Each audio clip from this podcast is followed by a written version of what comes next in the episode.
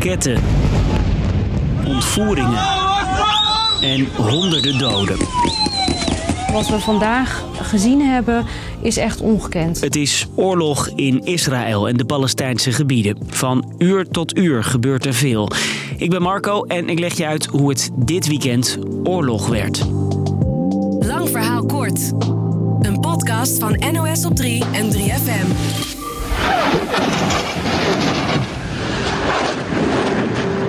Zaterdagochtend. Hamas vuurt ruim 2000 raketten af vanaf de Gazastrook. Dat ligt tegen Israël aan in het zuiden en is ongeveer twee keer zo groot als Texel. Er wonen 2 miljoen mensen. Daar heeft Hamas de macht. En Hamas, dat is een streng islamitische Palestijnse beweging. Die raketten van hen komen neer over de grens in Israël. Bijvoorbeeld in de stad Askelon. Het luchtalarm klinkt ook in Tel Aviv en Jeruzalem verder weg, omdat ook daar raketten aankomen. Hamas valt niet alleen aan vanuit de lucht, ook op de grond. De grens rond de Gazastrook is streng bewaakt, maar strijders weten er door te breken. Met onder meer bulldozers en gaan Israël in. Ze schieten in het rond en ontvoeren Israëlische soldaten en vrouwen. Hoeveel precies weten we niet. Veel doden vallen er op een festivalterrein, 30 kilometer van de grens met de Gazastrook. Zeker 250 mensen komen om als Hamas-strijders van allerlei kanten terrein opkomen. Onder meer met paragliders. All the way people were dying, all the way on the road. Young people. It's a festival for young people. Many, many people were dying in the road. Een massale moordpartij, raketten, ontvoeringen. Hamas vecht namens een deel van de Palestijnen. En de reden dat ze aanvallen, ze strijden voor een eigen grondgebied. Ze zeggen Israël pakt steeds meer land van ons af. En Israël controleert de grenzen van de gebieden. Ze bezetten ze. En dat maakt het leven voor Palestijnen daar moeilijk. Hamas zegt: We hebben besloten een einde te maken aan de agressie. Het is een lang slepend conflict dat al jaren speelt, waar ik je nu onmogelijk alles over kan vertellen. Maar duidelijk is, Palestijnen zijn steeds bozer, vertelt correspondent Nasra Habiballah. Wat we wel al een tijd zien is dat de druk en het geweld tussen Israël en de Palestijnen steeds verder toeneemt. En dus de steun voor uh, gewapende strijd eigenlijk ja, steeds groter wordt. De aanval van Hamas komt voor Israël als verrassing. De mensen zijn totaal gechoqueerd, ook in paniek, want een dergelijke aanval heeft Israël de laatste 75 jaar niet meegemaakt. Je hoort correspondent Anki Regis. Want al zijn Israël en de Palestijnse gebieden al jaren in conflict... het meeste geweld vindt plaats rond de westelijke Jordaanoever en de Gazastrook.